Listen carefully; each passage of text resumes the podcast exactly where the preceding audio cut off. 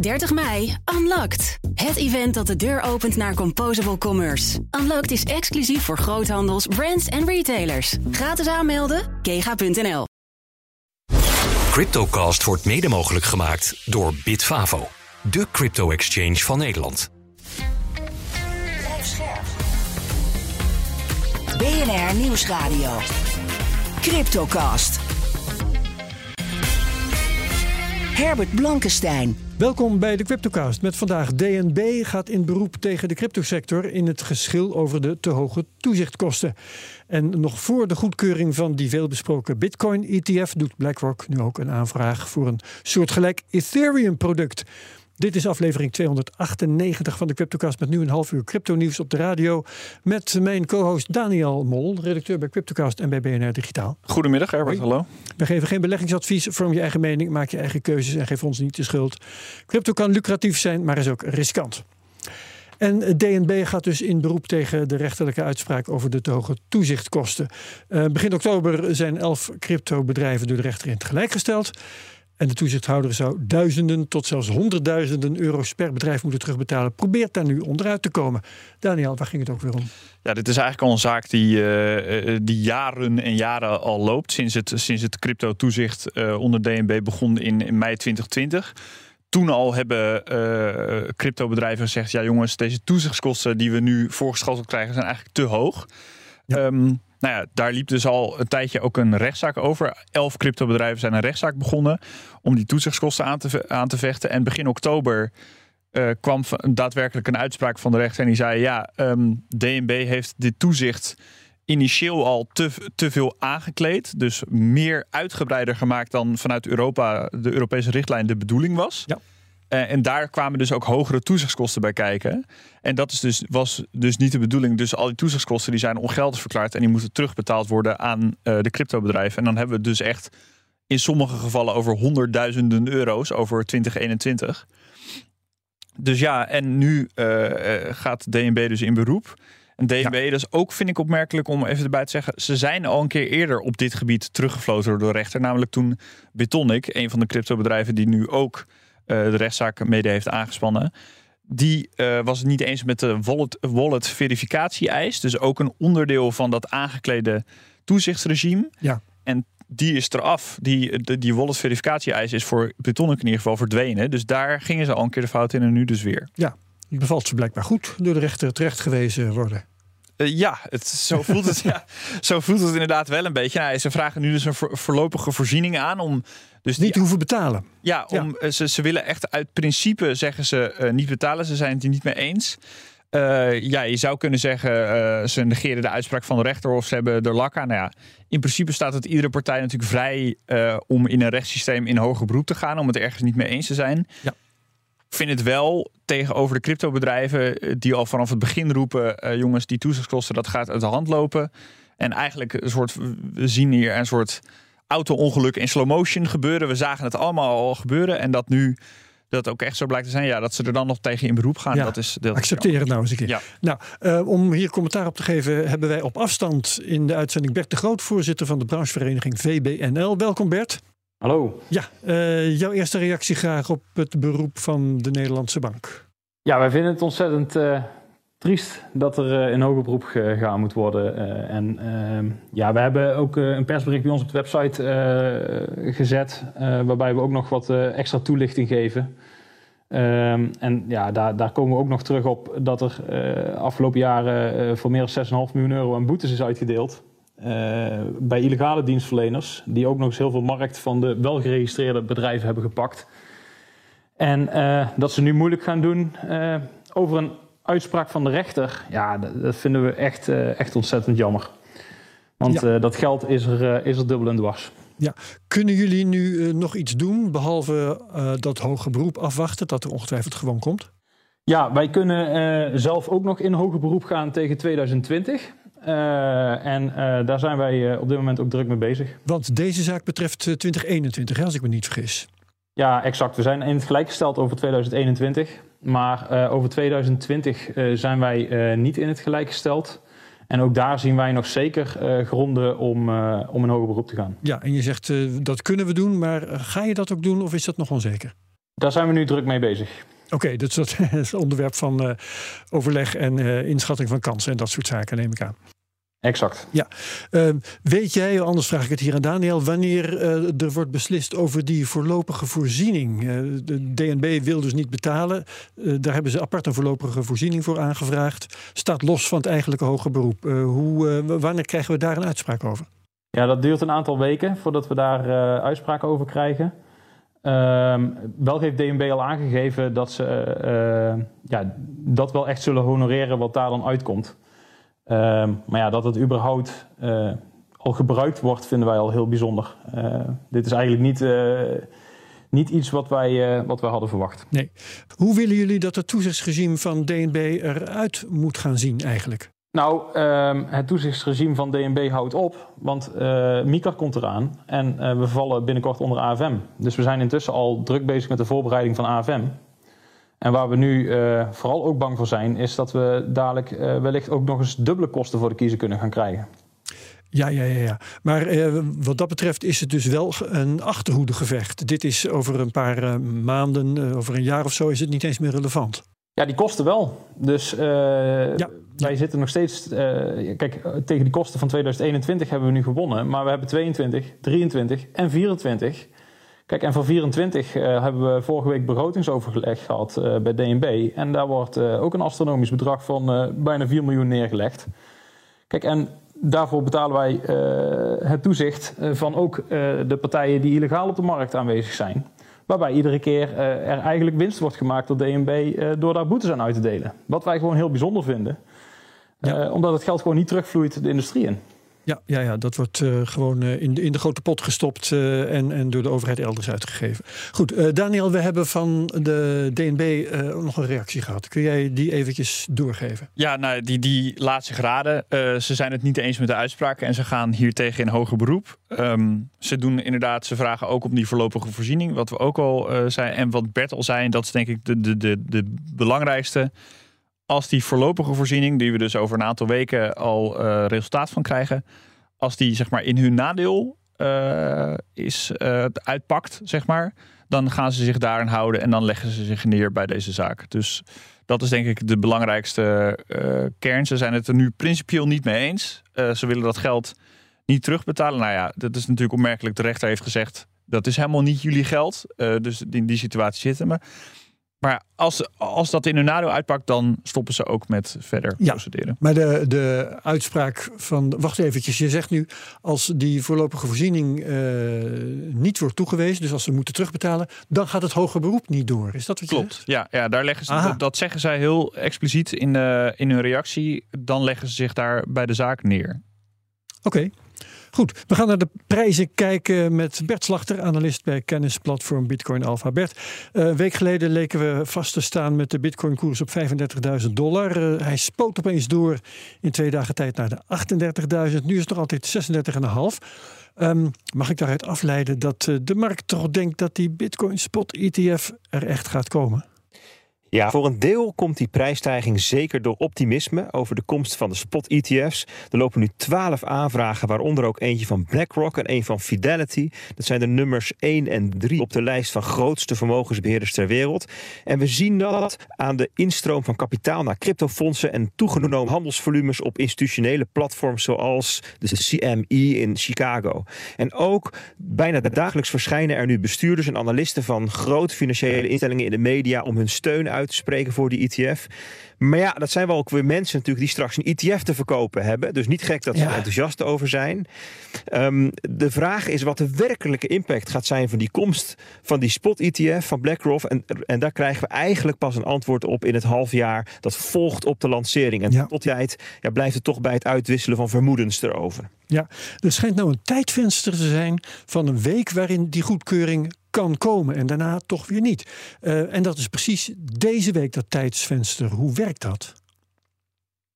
Ja, dat komt omdat um, um, experts verwachten dat de toezichthouder, de SEC, een manier zoekt om alle aanvragen in één keer van een oordeel te voorzien, goed te keuren, zodat er geen, zodat geen van de fondsen, geen van de specifieke fondsen een voorkeurspositie krijgt. En dat kan dan weer alleen op een dag dat, in, dat geen van de aanvragen in een periode zit waar, waarin derden commentaar kunnen inbrengen. Een comment Hmm. period. Ja. En ehm, uh, James Seyfert, dat hij is ETF-expert bij Bloomberg, die schreef dat dat van 9 tot 17 november het geval is. Dan zijn ze dus allemaal niet in zo'n eh, commentaarperiode. en daarna pas weer in januari. Dus hij zegt van als de SEC alle fondsen daadwerkelijk tegelijk vervroegd wil toelaten, dan moet dat deze week gebeuren. En Ja. anders pas tegen het einde van de periode van de eerste aanvrager ARK Invest. En dat is in de buurt van 10 januari. Dan was er nog een opvallende tweet van de directeur van Grayscale, Michael Sonnenschein.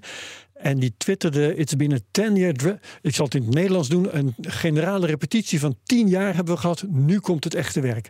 Ja, dat klinkt toch of hij iets weet wat wij niet weten.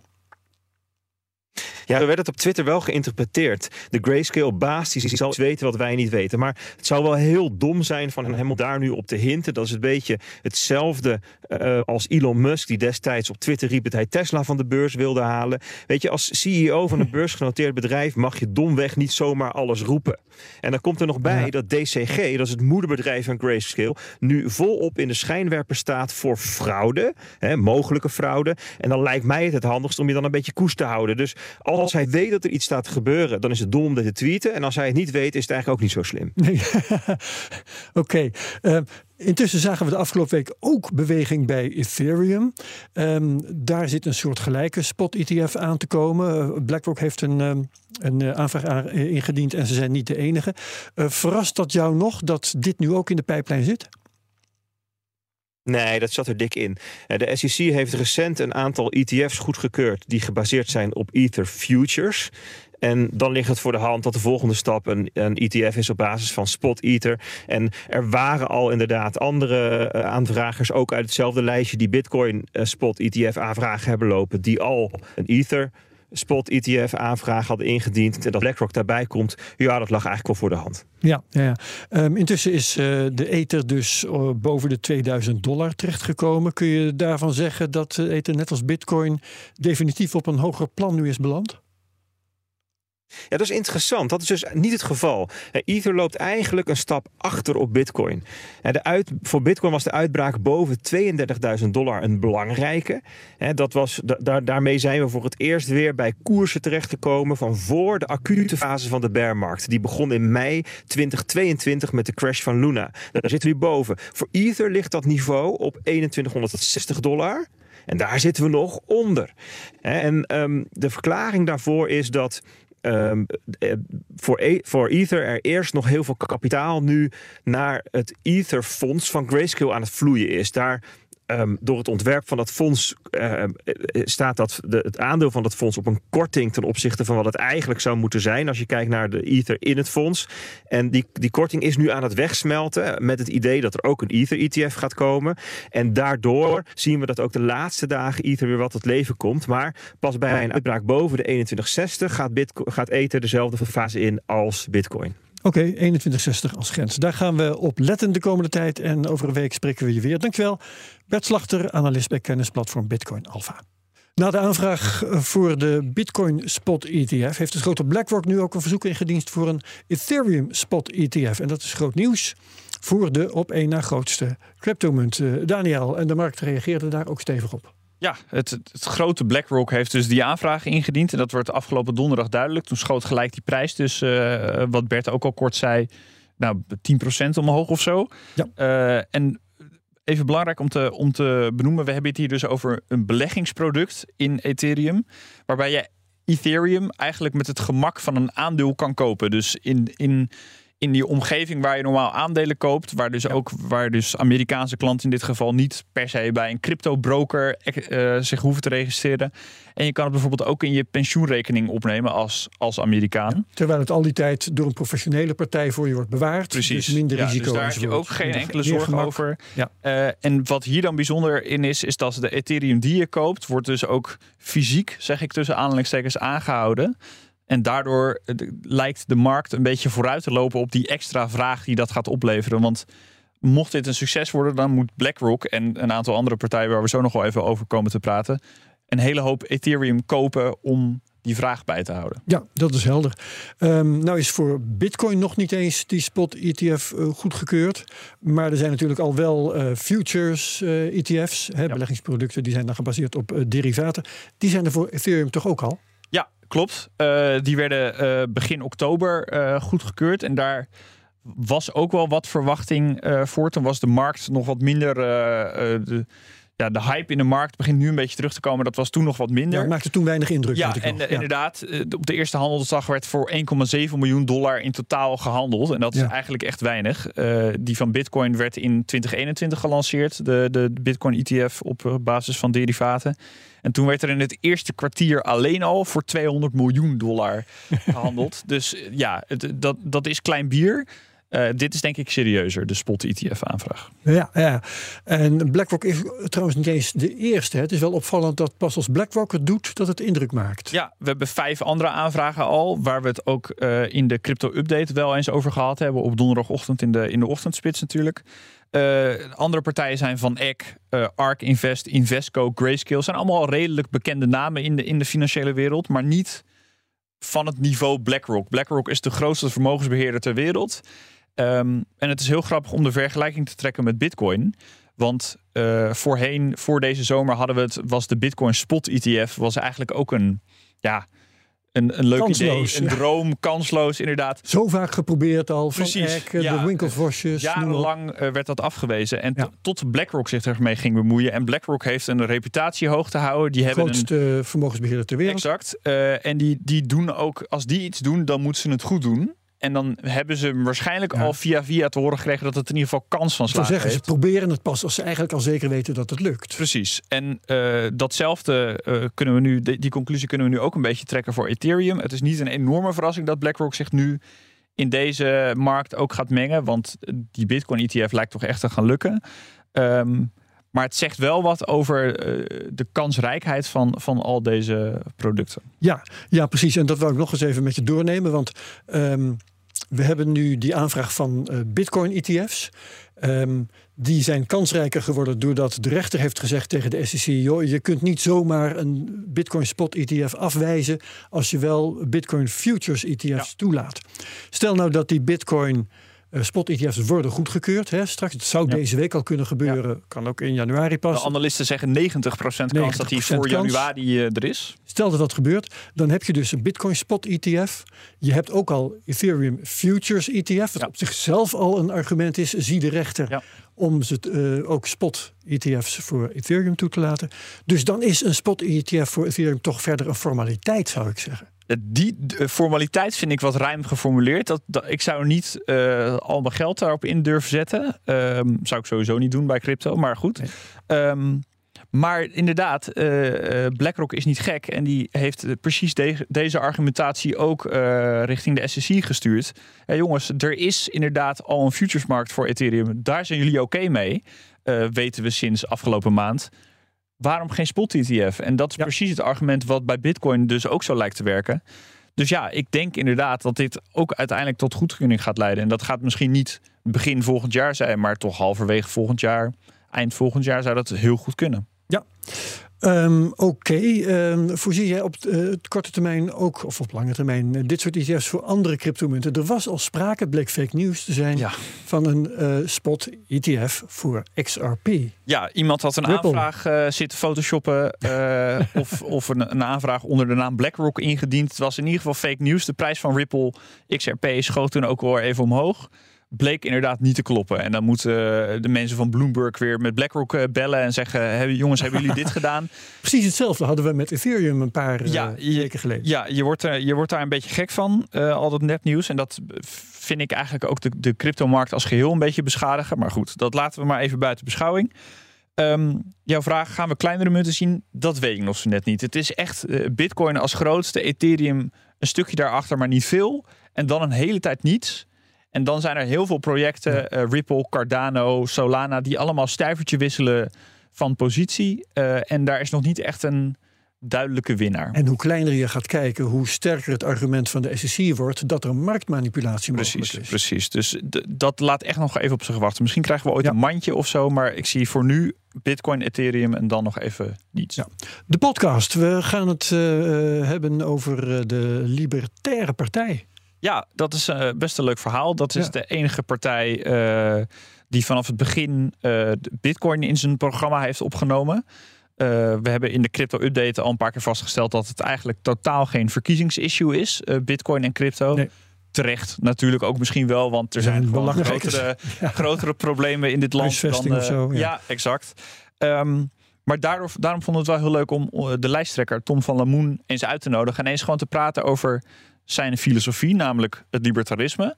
eh, en zijn kijk op Bitcoin. Dat Ja, is wel ja dus eh, wij zijn een zendtijd voor politieke partijen eh, opeens. Nou, nee, eigenlijk niet. Want we, hebben, we hebben het toch vooral over de ideologie van het libertarisme en wat hij nou precies met Bitcoin wil. en crypto in zijn algemeen. Dat, daar zit, het zit al een, een best een spanningsveld. Want een echte libertariër die wil natuurlijk niemand iets opleggen. Die gaat niet Bitcoin als wettig betaalmiddel invoeren.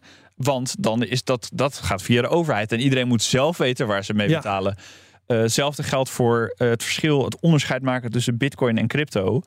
Tom van Lamoen is een Bitcoin-fan, maar vindt het ook prima als mensen met, nou noem eens wat, XRP willen betalen.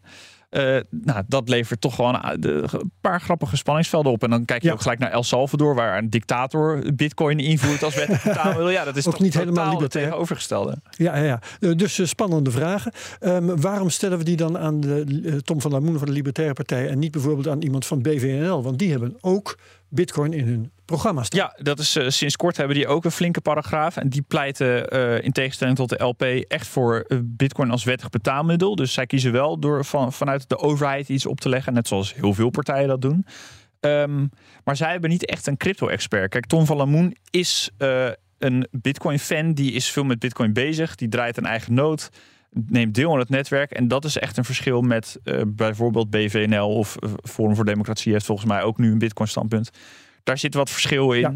En wij vonden het leuk om een echte eh, Bitcoiner die dus ook de politiek ingaat, eh, eens te spreken Oké, daarover. kan interessant worden. Dankjewel, eh, Daniel Mol.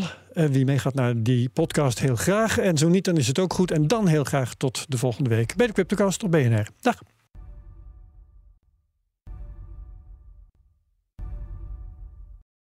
30 mei, Unlocked. Het event dat de deur opent naar Composable Commerce. Unlocked is exclusief voor groothandels, brands en retailers. Gratis aanmelden, kega.nl.